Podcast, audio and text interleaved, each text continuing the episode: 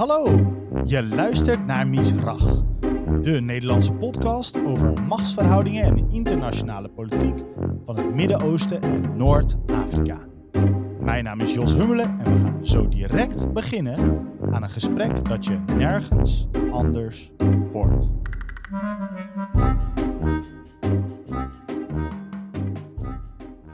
In zijn zoektocht naar de bron van de Nijl in 1770 stuitte de Britse ontdekkingsreiziger James Bruce op iets bijzonders. Ethiopiërs die een Davidster droegen.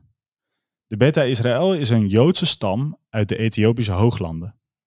Volgens de Ethiopische traditie komen zij voort uit het huwelijk tussen Salomo en de koningin van Sheba. Volgens sommige rabbijnen zijn zij een nakomeling van de stam Dan. Volgens sommige historici kwamen zij juist uit Egypte of Jemen. Hoe dan ook, ze zijn er en zij voelen zich Joods en zijn inmiddels voor een groot deel thuis. Dat wil zeggen, woonachtig in Israël. We borduren voort op de laatste aflevering van Misrach. Ga die ook vooral nog even luisteren. Maar vandaag gaat het dus specifiek over Ethiopische Joden. Ik ben Jos Hummelen en de podcast voor vandaag is opgenomen voor zowel Misrach, de podcast over het Midden-Oosten, als mede voor de Afrikas, de podcast over Afrika. Kent u een van beide nog niet? Nou, zoek hem eens op, zou ik zeggen. Misrach en de Afrikast.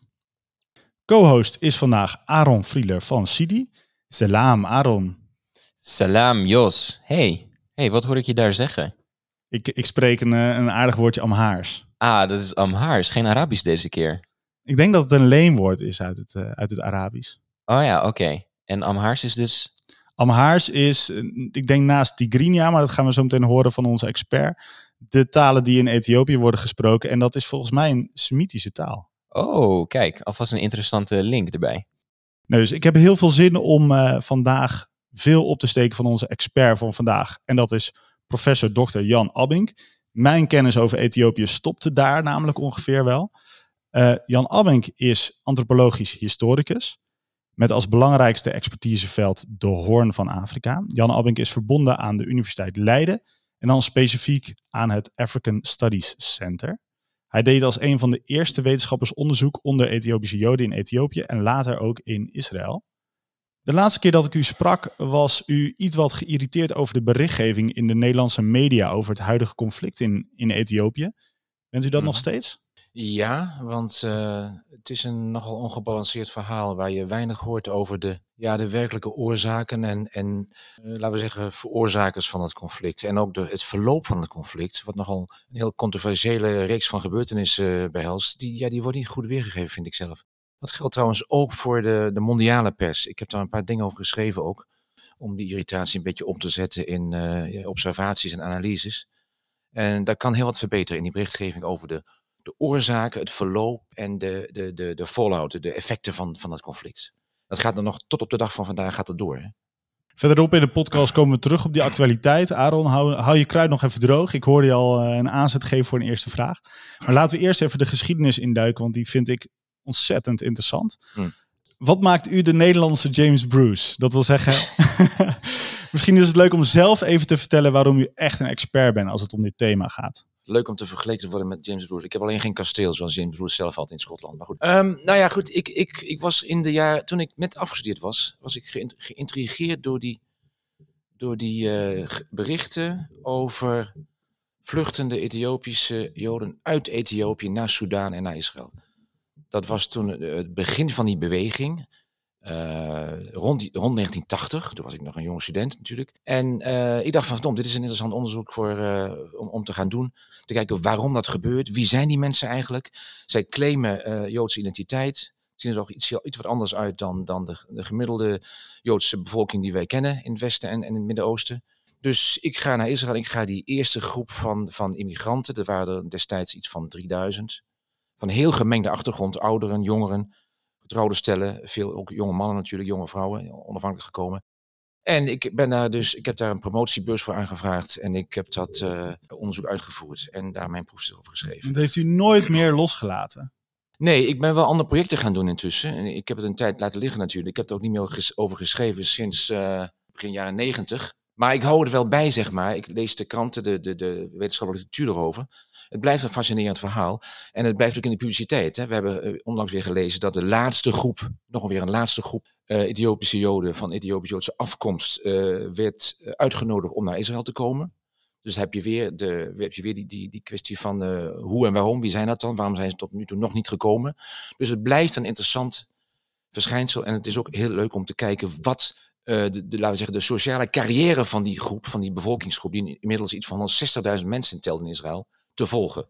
Ja, want eh, hoe leefde de Joodse gemeenschap in Ethiopië, laten we zeggen, omstreeks de tijd dat, dat, dat u daar voor het eerst kwam, of omstreeks 1900? Hoe, hoe kon je merken dat zij Joods zijn? Eh, nou ja, eh, ze leefden vooral op het platteland en niet in de steden. Het was een, een groep die in de noordelijke hooglanden leefde, zoals je in de inleiding al zei. In de, de regio Amhara, Begender, eh Semien heette die destijds, en in Tigray. Sommige groepjes elders, eh, iets meer zuidelijk, in, in Shoa. Eh, dus voornamelijk eh, ambachtslieden en ehm, boeren. Vooral ambachtslieden. Ze, waren vooral, ze hadden niet echt het recht op landbezit. Sommige mensen in, hadden wel landbezit in, in westelijke gebieden van, van eh, Amhara-regio's. Maar wat voor Joodse tradities hadden zij bijvoorbeeld? En inderdaad, ehm, nou ja, goed, de symboliek van, van, van Jodendom hadden ze. Ze, hadden, ze manifesteerden zich duidelijk als Beta-Israël, hun zelfnaam, tegenover de christelijke omgeving waarin ze leefden. Dat is heel duidelijk. Met de symboliek van de Davidster natuurlijk en van, van eh, het niet erkennen van het Nieuwe Testament als deel van de Ethiopische Bijbel. hè. Ja, voor Ehm, onze luisteraars, eh, Ethiopië bestaat dus uit Joden. Een heel klein gedeelte, nu zeker, maar ook heel veel moslims en ook heel veel christenen, orthodoxe Ja, christenen. 60% christenen, zowel orthodox als eh 18, 19% protestants evangelisch nu, sinds eh, 20 jaar, 30 jaar. En een derde is moslim, van de de Ethiopische bevolking. Dus de, ze waren echt een hele kleine minderheid. Maar ze waren een minderheid die al, al vrij vroeg, sinds de, de middeleeuwen, aanwezig was in de Ethiopische bronnen. Ethiopië is een van de landen in Afrika met een lange geschreven traditie. Hè? Sinds de, minimaal sinds de, rond de jaartelling, toen de, de taal Ge'ez zich ontwikkelde.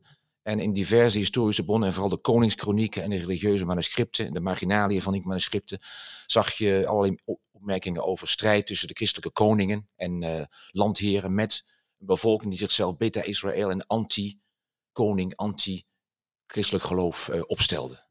Dus was er een bewustzijn al in Ethiopië van een link tussen die beta-Israël en Joden wereldwijd elders? Nee, dat niet. Dat, dat kan je echt met de beste wil van de wereld niet zeggen.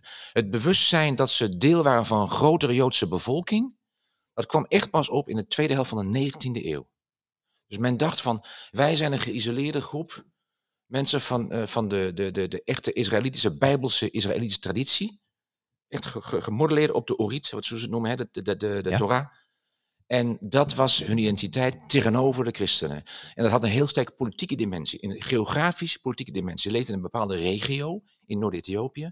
En die, ze hebben zich altijd eh, met hand en tand verzet tegen de, de, de pogingen van de Ethiopische koning om dat gebied helemaal te, te incorporeren en hun status als autonome regio eh teniet te doen. Dat was de grond van hun identiteit. Maar pas eh, in 18, laten we zeggen 1867 kreeg je de eerste westerse Joodse eh, wetenschapper die hen bezocht op grond van berichten dat in Ethiopië een Joodse gemeenschap zou leven. In de bergen, hoog in de bergen in Ethiopië. In de Simeon of zo, ja. Dus Ja. ik neem aan dat diegene dan keek naar eh, nou ja, de, de, de bronnen van die gemeenschap, de, de, de rieten, de gebruiken, eh, vermoedelijk ook eh lazen ze Torah, begrijp ik? Ja, ja, ja, ja zeker. Ja. Maar ze lazen die in het, in het Ge'ez. Hè. De, de, Ge'ez is de oude kerktaal van Ethiopië. Aha. Net zoals Latijn in, in, in het Westen. Exact dezelfde status. Nu een dode taal, maar levend in de religieuze traditie. hè. In de gebeden, in de rituelen enzovoort. Kerkliederen, allemaal in Ge'ez. En dat is een heel ingewikkeld systeem. Hè. Het, het Ethiopisch-orthodoxe kerksysteem, de, de liederen, de, ritu- de rituelen, is ongelooflijk in, in, eh, interessant, maar ook complex. Mensen hebben daar jaren studie voor nodig. Ze hebben ook Ethiopisch-orthodoxe scholen. En de traditie van de, Israëli's, eh, van de Beta Israël eh, in Ethiopië is deels eh, verbonden met en afgeleid van die traditie. Hun religieuze geschriften waren ook in het Ge'ez. Ze hebben ook hun eigen Joodse geschriften in het Ge'ez. Dus manuscripten van...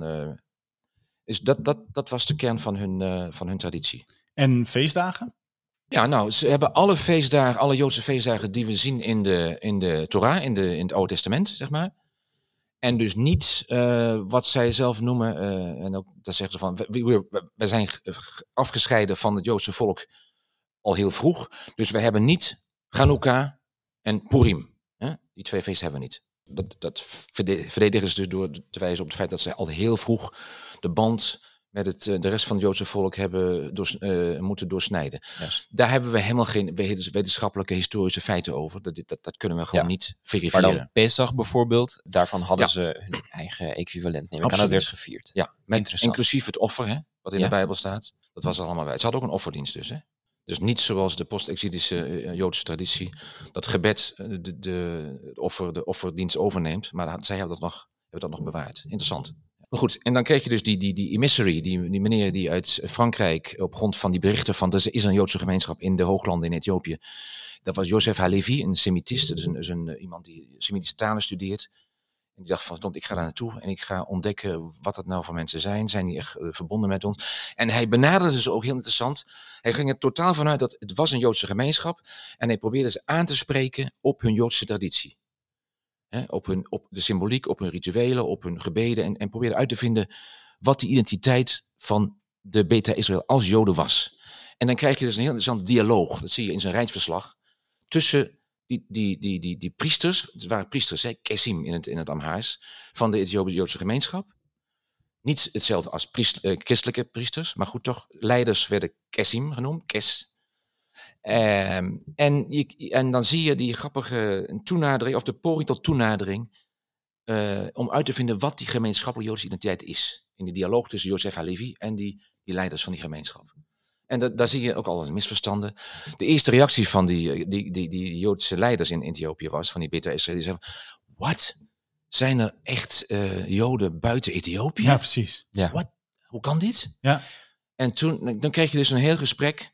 En daarna, Joseph Halevi is daar twee keer geweest, geloof ik. heeft een verslag uitgebracht naar de Alliance Israël Universelle in Frankrijk. Om te kijken of er actie nodig is om die Joodse gemeenschap in Ethiopië weer bij het Jodendom, het wereldjodendom te betrekken. Door opleiding, opvoeding, door uitwisseling van eh, boeken enzovoort. En daarna heeft zijn leerling van hem dat overgenomen. En toen is die toenadering geleidelijk aan tot stand gekomen.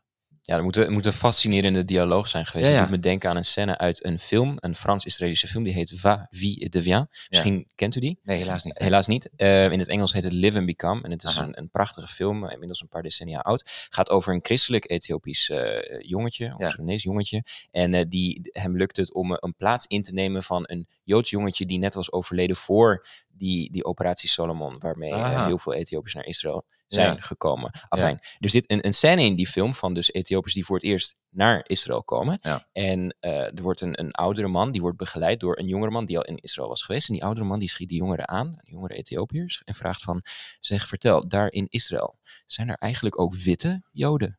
Ja. En die jongere die antwoordt dan van, in Israël zijn er alleen maar witte Joden. En de, de verbazing die is, die is, ja. Ja. die is alom. Ja. Dus dat is... eh, Nou, zo'n reactie had, had Jozef had, hadden de mensen in de tijd van Jozef Halevi ook in 1867. Zo zie je 64, sorry. dat de geografie eigenlijk een belangrijke rol speelt. Hè? Ja. Dus die hooglanden die Ja. vormen eigenlijk een soort, die maken het een soort eiland in, in de wereld. eh, waardoor het Ja. eigenlijk heel onafhankelijk eh, zich heeft kunnen Ja, ontwikkelen. dat heeft zeker meegespeeld. Die geografische eh, ontoegankelijkheid, zeker. Ja, dat is één factor geweest. Ja. Zoals ik de, eh, met mijn al aangegeven beperkte kennis over dit fenomeen het zie, sloeg het ook om, of is in ieder geval een moment dat die relatie tussen de Ethiopische Joden en Israël aangesproken werd, ook toen zij op de vlucht moesten slaan. Ze gingen toen eh, te voet naar het naburige Soudaan. Kun je daar wat meer over vertellen? Waarom werd het hen te heet onder de voeten? We slaan nu een hele periode over, hè, sinds Halevi en die, zijn leerling Feitlovic, eh, over die, dat proces van toenadering, wat tot stand is gebracht, eh, deels. eh, tot aan zeg maar, de jaren zeventig, waar je naar op doelt. Die, die, die, ja, eigenlijk die, die, burgeroorlog, die politieke oorlog tussen politieke groepen in, in Ethiopië in, in de nasleep van de, van de Ethiopische revolutie. Hè. Maar goed, inderdaad, ehm, je had vanaf de jaren 70, toen de revolutie in 1974 uitbrak, had je allerlei rivaliserende bewegingen. De Tigray People's Liberation Front, de Oromo Liberation Front, allerlei andere eh, etno-regionale groepen. En in die strijd, die dus in feite ja, een- een- meer dan een, tiental jaren duurde, eh, daar waren ook eh, Ethiopische Joden uit die regio, Amhara, Gonda, bij betrokken. Die waren lid van die bewegingen, bijvoorbeeld van de EPRP, de Ethiopian Revolutionary People's Revolutionary Front en dergelijke. En in die turmoil, in die, in die chaos van die, van die burgeroorlog die zich uh, ontvouwde eind jaren um, 80 tot 91, ja, zijn veel bevolkingen in die regio op drift geraakt. Onder andere de, de Joodse bevolking in, in, van, van Noord-Ethiopië. En toen kwam dus die stroom vluchtelingen op gang naar, uh, naar, naar Soudaan. En er is een mengeling geweest van het vluchten voor politiek geweld, omdat veel Ethiopische Joden, jongeren, lid waren van die bewegingen. Dus niet op grond van een Joodse identiteit, maar op grond van een politieke identiteit. Leftist, Marxist uh, oriëntatie. En ook een idee van uh, ja, een calamiteit, de gemeenschap wordt bedreigd. Uh, dit is een kans voor de Joodse gemeenschap om een, een lang gekoesterd ideaal, wat ze echt hadden, om naar Jeruzalem, naar Jeruzalem te gaan, wat ze zo noemden, te realiseren. Dus dat, dat, die twee elementen versterkten elkaar. Politieke turmoil en de... En de okay, dus de, het was zowel een push als een pull factor. Exact, ja. ja, ja. Dus, dus er zat eigenlijk een soort gang. klassiek vorm van zionisme zat daar ook in. Uh, ja, ze hadden een, laten we zeggen, als je naar die Beta Israël kijkt, ze hadden een soort puur religieus gecodificeerde vorm van zionisme, als je het zo wil noemen. Zij hadden een religieus beeld van, originally, uh, wij komen we vandaar, moeten we daar naartoe. Dat is de band die, ons, uh, die onze identiteit mede onderhoudt, mede, zeg maar, vormgeeft, die, die onze identiteit bewaart. Maar een feitelijke poging om daar ooit naartoe te gaan, ook in de middeleeuwen, is eigenlijk er nooit geweest. Ja. De eerste poging was in 18, ik geloof 1864. Er was er ook een, een, een, een grote periode van on, on, onrust in de tijd van koning Menelik I. Toen was er een klein groepje mensen uit de Gonda-regio onder leiding van een, um, een, een, een kes, een priester, uh, Abba Mehadi. Die probeerde gewoon met een groep mensen, volgelingen, via Tigray naar de Rode Zeekust te gaan. Om te kijken of ze Israël zouden kunnen bereiken. Dat mislukte. Maar goed, dus dat was de eerste poging om, uh, zeg maar, politiek of feitelijk vorm te geven aan die idee van we moeten eigenlijk naar uh, Israël terug. Ja. Maar wederom iets dat ze gemeen hebben dan met uh, Joodse gemeenschappen elders, vooral voor het politiek sionisme. Ja. Uh, ook, ook in, in nou ja, alle andere Joodse gemeenschappen hadden die wens in principe, in meer of mindere mate. Ja, precies. Het is een heel interessante episode was dat in de, tijd, in de, in de jaren 1864, geloof ik om terug te komen op het punt van die, die tijd, wanneer ze nou echt uh, en masse naar, naar Israël gingen. Dat was dus vanaf zeg maar ja, de eind jaren tachtig. Toen, nee, eerder zelfs, eind jaren zeventig. Toen kwamen de eerste mensen, deels lid van die eh, oppositiebewegingen, die, die, die migreerden via Soudaan naar, uh, naar Israël. En toen kwam het op gang. Ik wil graag even inzoomen op die reddingsacties, zoals ik het even frame. Ja. Ik ken nog wel die beelden dat je dan Ethiopiërs met een uh, Israël vlaggetje uit het vliegtuig ziet komen en dan als allereerste voet zetten aan uh, aan Israëlische grond, het heilige land zoals zij dat uh, zien. Mm. En dan soms ook echt de grond kussen en dan denken we zijn thuis. Ja. Kun je vertellen wat daaraan vooraf ging? Dus uh, wat was er nodig om hen te ontzetten? Nou, er was een, ja, er was een beweging gaande naar de Soudaan, in die kampen, een heel problematische situatie. En uh, in Israëlische overheidskringen werd er veel gedebatteerd. Moeten we iets doen? Moeten we die mensen helpen? Zijn ze Joods of niet? Er was al een band gevestigd. Er was al een eerste gemeenschap in de jaren 50 gekomen van mensen die werden getraind om, om terug te gaan als teachers naar, naar Ethiopië. Hebben ze ook deels gedaan. Dus die discussie op zich over moeten we nou iets doen of niet, die heeft heel lang geduurd. Maar die werd uiteindelijk toch uh, zeg maar positief genomen. En op grond daarvan is uh, besloten om mensen, Joodse Ethiopiërs in nood gewoon te helpen. En toen is dus, zijn dus diverse acties opgezet. De eerste, een van de eerste was uh, operatie uh, Achim, uh, Operation Brothers, hè, via die kustplaats aan de Rode Zee. Die, daar waar die film over is gemaakt. Die Netflix-serie. Red Sea Diving Resort. Red Sea Diving Resort, precies. Film, sorry. Op zich een slechte film, maar het verhaal is hartstikke goed. zitten. Maar hoe het is vormgegeven, oké. Okay. Maar, maar Achim zeg je, dus broers. Daar ja, was wel brothers. iets voor nodig eerst, voordat ja. ze ook als broers erkend werden. Ja, door de opperrabijn. Ja, het heeft heel lang geduurd. Wat ik al hm. noemde, sinds die meneer Feitlovic, begin uh, 20e eeuw, is er eigenlijk weinig gebeurd. Behalve dan uh, on-off support voor educatieve doeleinden. Om een school Zoals op te zetten. in de jaren 50. Ja, school op te zetten. Was een school voor de Tweede Wereld, was een school in Asmara en in Addis Ababa. Maar dat was altijd maar dubbelzinnig. Men had niet echt, moeten we nou iets doen of niet? Zijn ze nou echt Joods of zijn ze niet, Joods? Niet Joods? Moeten we nou echt, er was gewoon divided opinions in Israël zelf. Ja. Bij de rabbijnen, bij de overheid enzovoort. Was geen prioriteit, laat het zo zeggen. Dus er kwam een bepaalde druk op de ketel toen die burgeroorlog op gang kwam en Dat die, was de, vluchtelingen kwamen. Ja. En eh, kunt u iets meer vertellen over dat debat dan in Israël? Hoe, hoe ehm, zat, waren dat eh, religieuze argumenten of ook heel politiek? Of hoe zat het? Nou ja, ik denk ja, vooral religieus. Hè. Ik bedoel, het was een kwestie van de identiteit van de Joodse gemeenschap in, in, in Ethiopië. Eh, je, je hebt bepaalde criteria nodig om, om uit te maken wie nou echt van Joodse afkomst is. Die zijn op zich vrij duidelijk. En in het geval van, van, van de Beta Israël was dat niet duidelijk. En eh, omdat eh, het civiel, eh, de civiele status van mensen in Israël wordt bepaald door het rabbinaat, volgens mij nog steeds, was het heel belangrijk om te weten wat de rabbijnse, de opperrabbijnen daarvan vonden. En die waren niet per se ervan overtuigd dat, het, dat, het, dat de Joodse identiteit van de Beta Israël ondubbelzinnig vaststond. Dat is pas in, in 1973 beslist door Rav, Rav eh, Ovadia Yosef, de Sephardische opperrabbijn. Ja. Die zei op grond van religieuze argumentatie en, en eh, precedenten in de Joodse, Joodse, Joodse wet, dat ze van Joodse afkomst waren. En dat ze gewoon Joodse identiteit hadden. Afgezien van het feit dat ze nog moesten, symbolisch moesten bekeren. Gi- Gior Legumra, weet je wel. Ja. Om alle twijfel over, eh, over eh, vermenging met, met, met eh, niet-Joodse groepen uit te bannen. Is die discussie nog steeds wel eens gaande? Nee, die discussie is opgelost. Er, is, er is heel veel ge, ge- gedelibereerd in de, in de rabbijnse kringen natuurlijk, door de opperrabbijnen. Eh, en er is veel druk uitgeoefend door de Joodse gemeenschap in Israël zelf vanaf het begin. Om, ze waren natuurlijk dankbaar voor die erkenning, uiteraard. Maar ze waren niet blij met dat uh, Gior, met dat bekerings, die bekeringseis. Hè. Daar heeft mij veel over gesteggeld enzovoort. Die is er ook uiteindelijk uitgegaan. Uiteindelijk is het eruit. Maar pas, ehm, even kijken, pas eh, in, ik denk in eh, december 2019, dus dat is ja, twee jaar geleden, is pas totaal over de hele linie van het rabbinaat in Israël, opperrabbinaat tot en met alle lagere rabbijnen, is erkend dat de Joden dat uit, uit Ethiopië, de, Is- de Ethiopische Joden in Israël, volledig Joods zijn en ook geen gedoe meer hebben rond symbolische bekering enzovoorts. Maar dan pas, dan- toen is het officieel bekrachtigd. Daarvoor was het steeds, hang het, hing het een beetje af van lokale rabbijnen of zij nou meegingen met die beslissingen van Jo- Ovadia Raf, Ovadia Yosef. Of ze nou zou- zouden kunnen worden geaccepteerd of niet. Dat hing heel sterk af van de lokale, lokale rabbijnse autoriteiten. Eh, je zou bijna nu is het kunnen. afgelopen met die Mijn, stelling zou zijn dat dat altijd zo is met religieuze discussies, dat die heel lang duren. Exact, ja. Ja? Ja, dat klopt, ja.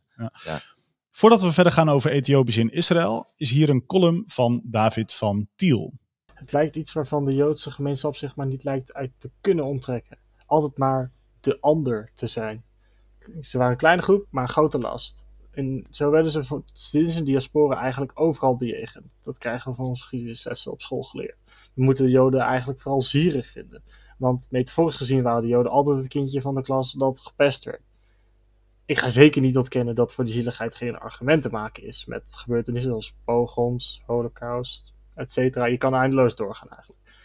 Nou zou menig conflictwetenschap maar ook wel bijstaan als ik claim dat othering, dus iemand tot de ander maken en iets anders van jezelf maken, een vitaal ingrediënt is in de gifbeker van geweld en discriminatie.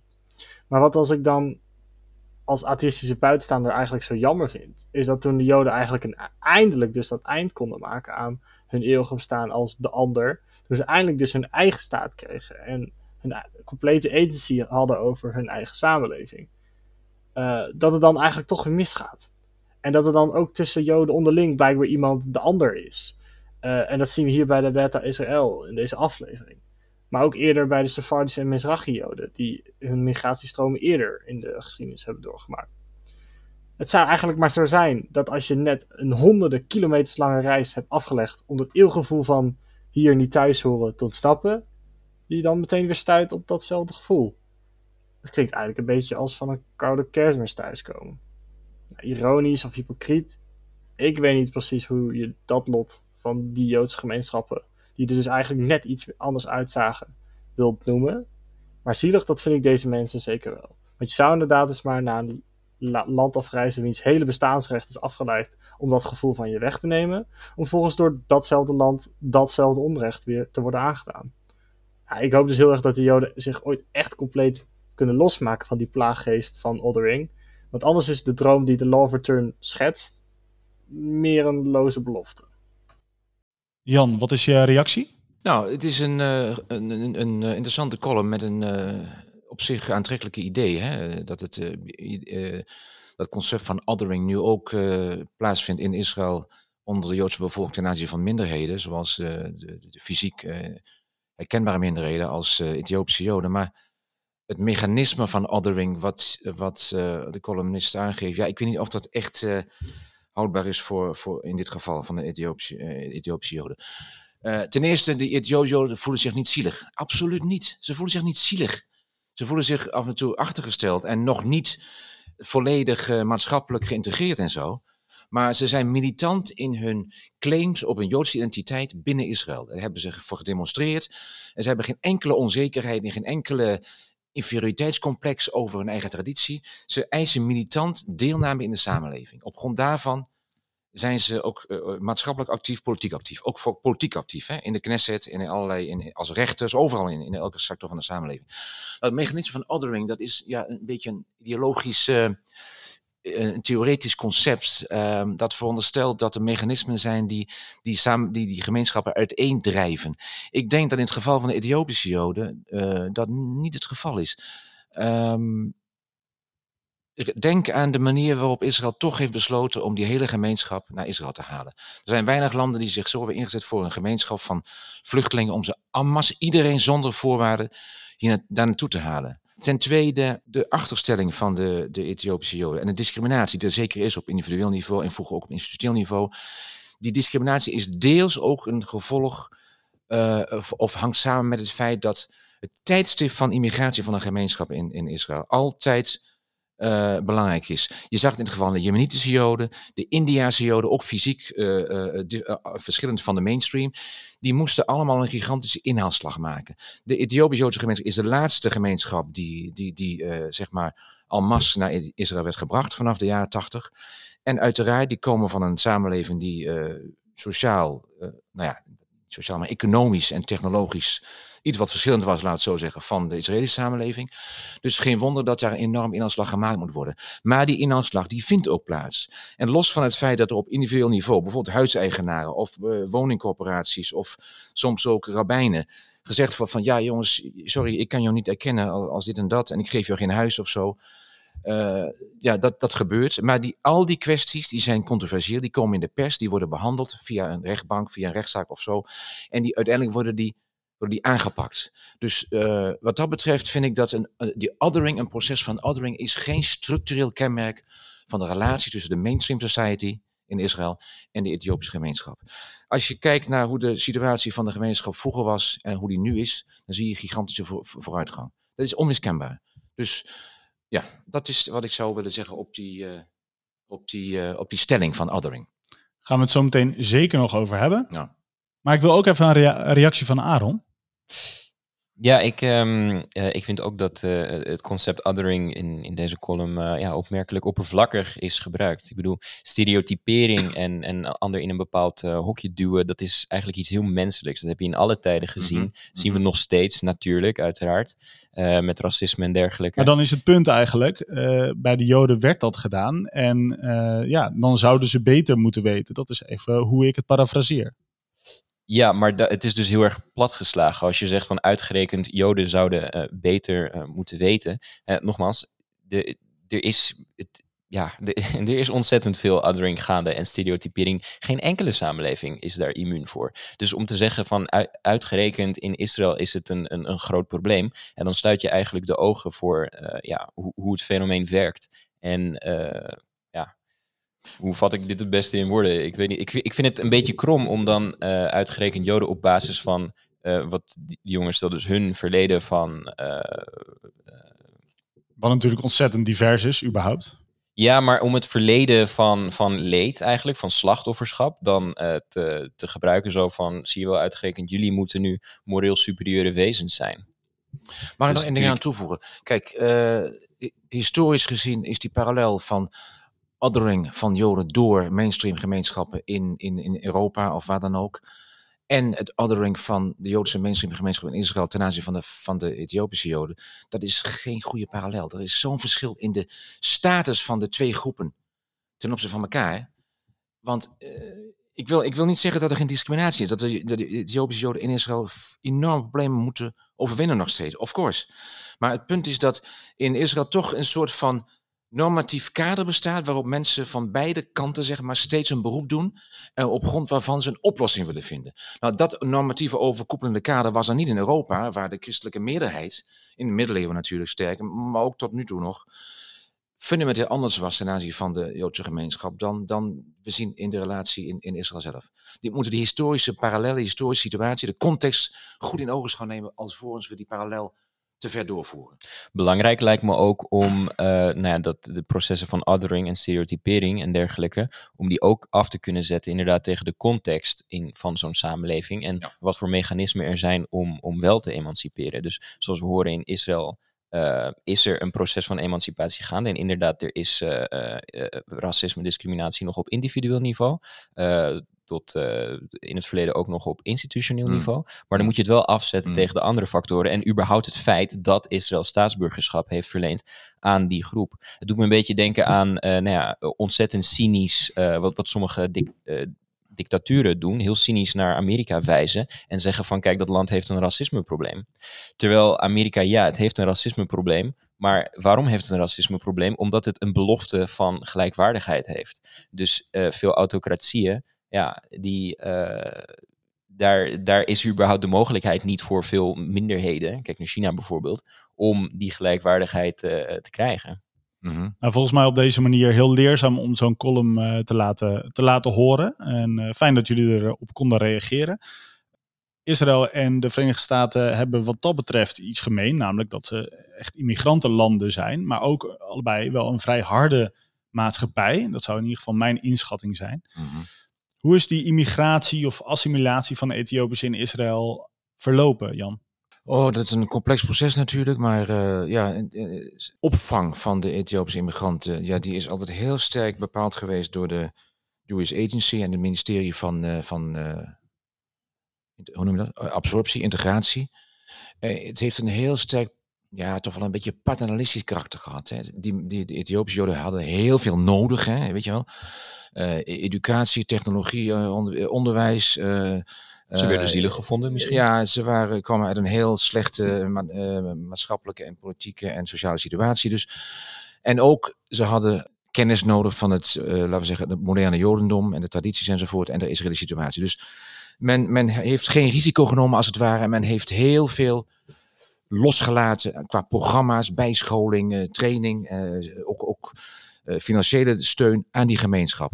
En sommigen in die gemeenschap zeggen nu van ja, dat was allemaal veel te veel. We, hebben, we zijn veel te veel als kinderen behandeld. Eh, en we hadden misschien een beetje meer zelf moeten uitvinden.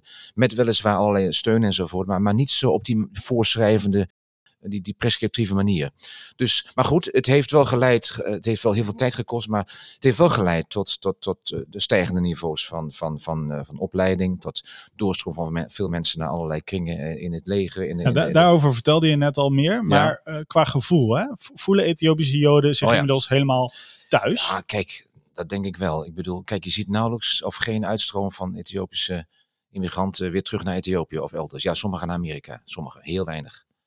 Dus wat dat betreft is er een totale commitment aan die, aan die Israëlische samenleving. En, en, en toch wel een soort onuitgesproken, ja, niet dankbaarheid, maar gewoon affectie voor het feit dat ze daar hebben kunnen, nieuw bestaan hebben kunnen opbouwen. Dat wordt niet zo uitgesproken. En er is ook een jonge generatie die zegt van ja, er is, wij worden toch nog steeds eh, niet goed behandeld en zo. We moeten nog meer rechten hebben. Maar goed, de, ze zijn, hebben een to- totale commitment, een betrokkenheid bij die, bij die samenleving.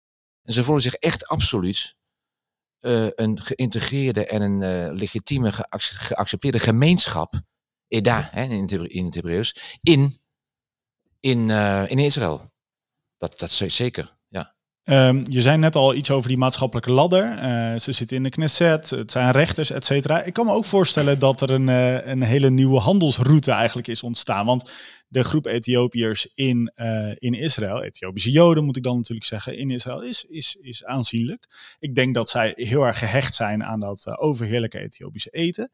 Ehm, is dat ook zo? Of is Ja. dit... Ja, je bedoelt, dat is een goede vraag. Je bedoelt, wat zijn de relaties van de Ethiopische gemeenschap in Israël met het, het, land van herkomst? Ja, hè? maar ook qua Ethiopië. handel. Ja.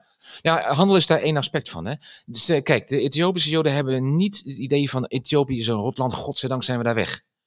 Ja, in, sommige opzichten wel, omdat Israël is, is toch hun, primaire vaderland. Maar de culturele tradities en de, eh, is de social life, het ethos van het sociale leven, gewoon in de gemeenschap eh, enzovoort, in de dorpen.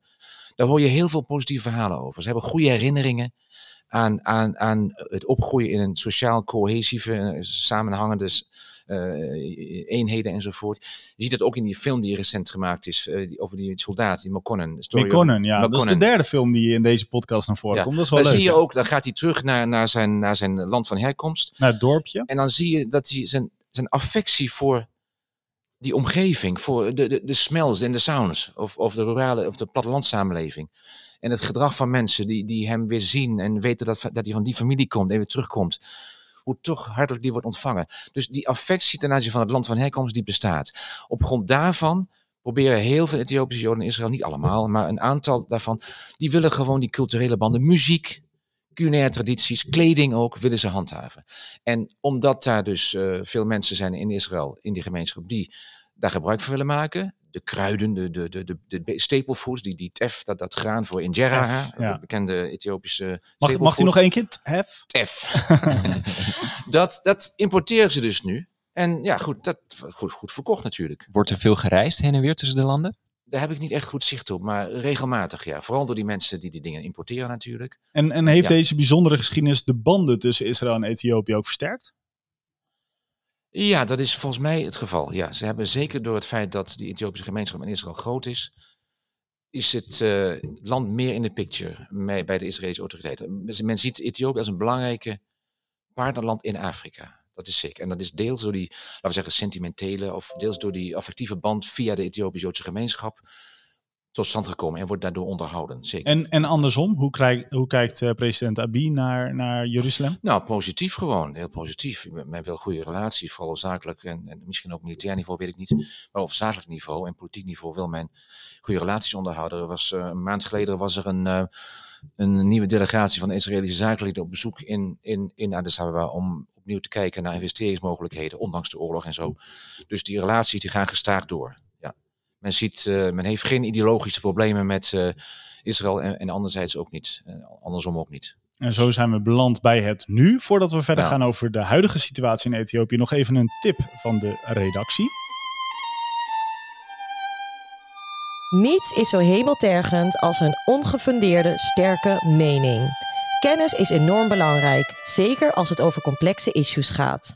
Al ruim 30 jaar biedt Sidi colleges aan over het Midden-Oosten met een speciaal oog voor Israël. Zo vergroten we kennis en brengen het debat naar een rationeel niveau.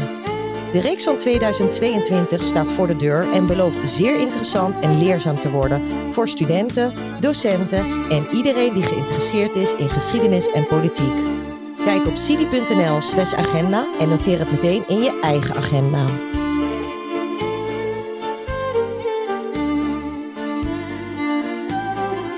Zoals aangekondigd gaan we ook even kijken naar de huidige stand van zaken in Ethiopië. En die is op politiek niveau intern erg zorgwekkend. Hoe zou u de huidige strijd in Ethiopië kort kunnen beschrijven? Het is een tragisch conflict tussen een politieke beweging, de Tigray People's Liberation Front, de TPLF, en de centrale federale regering. En eh, dat begon in, eh, op 4 november vorig jaar en heeft zich uitgebreid naar de Amhara en de Afar-regio's, ook in het noorden van het land. Het, heeft, het is een verschrikkelijk conflict waarbij gewelddadigheden zijn gepleegd die we nog niet gezien hebben in Ethiopische recente geschiedenis. Iedereen die daarnaar kijkt, die dat volgt, die probeert te bevatten wat daar gebeurt. En eh, ja, het is verschrikkelijk. Het is, eh, de, de menselijk drama is ongekend. Maar in wezen is het een politiek conflict. Het is geen civil, het is geen burgeroorlog. Het zijn niet volken die tegenover elkaar staan. Het zijn politieke krachten, de, de federale regering en die beweging, de TPLF, die in de regionale deelstaat Tigray in het noorden aan de macht was, hè, de afgelopen 30 jaar. De, de TPLF was ook de hoofdmoot van de Ethiopische regering eh, op federaal niveau voor maart 2018, toen de huidige premier aan de macht kwam, door een interne eh, partijpolitieke keuze voor hem in plaats van voor de kandidaat van de TPLF. En sindsdien zijn die spanningen tussen die TPLF, die zich een beetje terugtrok vanuit federaal niveau naar die regio, en de nieuwe federale regering enorm toegenomen. En door dat soort eh, eh, problemen en eh, de weigering, vind ik zelf, vanuit de TPLF om te praten over een reset van de relatie tussen de federale overheid en de regionale overheden, is die oorlog ontstaan. Oh, dat staat wel in schril contrast met wat ik, wat ik lees. Hè? Wat ik lees is dat die Tigray echt een, eh, een, een volk is, inderdaad, uit het noorden, uit, de, uit die provincie. Ja. En eh, die Oromo's eh, uit het zuiden, maar ook uit het westen, Mhm. eh, optrekken naar de hoofdstad om daar hun rechten te claimen als, als, als volk. Dat Nou, lees is- ik dat is- overal. Dat is flauwekul, dat is echt onzin. Als volk. Nee, dat zijn, dat zijn allemaal minderheidsgroepen. De TPLF, ja, die heeft steun van de bevolking uiteraard in Tigray. Maar niet van iedereen en steeds minder. maar u zegt het is een politieke beweging. Dus er zal, ik begrijp, er zal een etnisch aspect, component in dat Nou, de zitten, Tigray- maar het is niet overheersend. Ja, de Tigray die komen uit die regio natuurlijk. Hè. Maar eh, ze zijn een zelfbenoemde elite. Ik bedoel, ze zijn niet. We kunnen niet nagaan wat nou precies de, de, de democratische aspiraties en de, de steun is van de TPLF, van de Tigray-bevolking. En wat hun beeld is over de toekomst van Ethiopië, met of zonder Tigray, kan ook nog, eigenlijk is. Dus op, op grond van het, de bewegingen, op grond van het, niveau van de TPLF, als zijnde de ex-machthebber in Ethiopië, en de federale regering wordt die strijd uitge- uitgevochten. Er liggen natuurlijk etnische agenda's achter. Maar ook wat je noemt bijvoorbeeld die, die, die Oromo's. Je hebt een, een beweging die ook militair actief is. De OLA, de Oromo Liberation Front. Dat is een minderheidsgroep binnen de grootste groep van Ethiopië, de Oromo. Hè, ongeveer 33% van de bevolking. Die eh, inderdaad op, wil optrekken naar Addis Ababa. Die eh, zich eh, heeft verbonden al jarenlang met de TPLF. Maar de vraag is, ja, staan die voor de hele bevolking van de, van de Oromo? Helemaal niet. A- Abiy zelf, de premier, is ook een Oromo. Hè? En de, Ja, de hele ja. kring om hem heen zijn ook Oromo's. Oromo mensen, Maar verschillen ze dan ideologisch? ja, ideologisch. Ja. Vertel. Ja. Nou ja, goed. De OLE is een puur etno-nationalistische beweging. Die wil Ethiopië opdelen in etnische regio's. Puur op grond van etniciteit. En niet, en dat is een Dus model. hoeveel regio's krijg je dan? Ja, dan kan je in principe kan je iets van eh 75 regio's krijgen. Ja, Kleine regiootjes, van, van kleintjes tot, tot van een paar duizend man, tot eh, miljoenen. Mhm. Gaat natuurlijk niet werken. En daar is natuurlijk wel in de, in, in, in in de praktijk eh, gaat dat helemaal niet werken. Maar het was dus in feite al het model wat in 1991 door de TPLF, EPRDF, de om- overkoepelende partij, werd ingevoerd. Hè?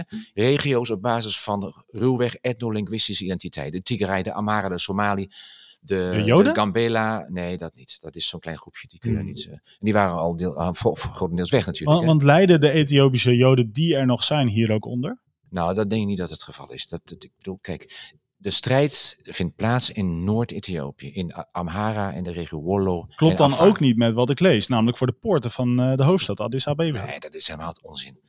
Kijk, dat, was, dat is CNN-berichtgeving. Hè? En CNN moet je met een enorme korrel zout nemen, want CNN liegt alles bij elkaar. Sorry dat ik het zeg, ik heb dat bekeken, die berichtgeving over het hele conflict. Ze liegen ontzettend veel bij elkaar. Je zag, eh, eh, zes weken geleden, zag je een, een plaatje, een foto op CNN, de website. Zag je een, een groepje bomen en daartussen een groep soldaten. Eh, TPLF at the gates of Addis Ababa of iets dergelijks. Eh, just outside of Addis Ababa. Dan 10, 20 kilometer buiten de hoofdstad zouden ze zitten. Dat is een mooi beeld, Het was sterk niet- beeld. Ja, maar daar klopt geen, geen barst van. Want ze waren op 225 kilometer afstand van de, van de hoofdstad. Het was dus bedoeld om, om een bepaalde agenda te pushen. Ik vind dat zo teleurstellend dat een, een zogenaamd mondiale nieuwszender als CNN, en dat, dat is niet de enige, dat die dit soort berichtgevingen eh, op, oppompt tot, tot, tot eh, proporties die helemaal niet de realiteit weerspiegelen. Dus dat, dat is niet zo. De strijd is, ehm, is eh, aan het luwen in die zin dat die TPLF-groepen geleidelijk aan worden teruggedrongen naar de regio Tigray. Maar nogmaals, om je op je vraag terug te komen. Eh, er wonen nauwelijks meer Joden in, Nee. in die regio. Ik, volgens mij eh, ja, tientallen misschien, ik weet het niet. En Maar als ze er er zijn, wel- wonen ze in steden, de hoofdsteden. Gondar en Magadar, vooral Gondar. En daar is de strijd dus niet geweest. Daar wonen misschien nog een paar eh, mensen van uh, Falashmura afkomst. Maar de rest van de gemeenschap, die dus ook eh, recentelijk is eh, verklaard als zijnde, eh, hoe noem je dat, eligible to eh, Ja. migratie. Ja, dat, die wonen dat is, in Ababa. maar dat is wel de Addis. Flashmura ook. Ja. Dat zijn dus... Ja. eh, Dus ze wonen allemaal in Addis en ze hebben geen enkele last van, van, die, van, die, van, die, La- van die oorlog. Laten we daar nog even op inzoomen, want we kregen dus inderdaad duizenden Ethiopiërs een visum voor Israël. En dat gaat dus om gezinshereniging eigenlijk. Ja, Kun je eens uitleggen hoe dat gaat? Nou ja, eh, een deel. Kijk, de, de gemeenschap die er nog is in Ethiopië, dat zijn mensen van de Falash Mora. Dat is zo'n term die wordt gebruikt om aan te geven dat ze afstammelingen zijn van mensen van Ethiopisch-Joodse afkomst, Beta Israël afkomst, die zijn bekeerd tot het christendom.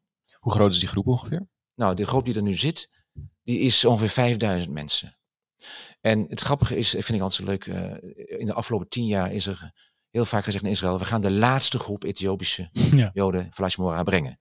Dat was in 2009 zo, 2011, 2013.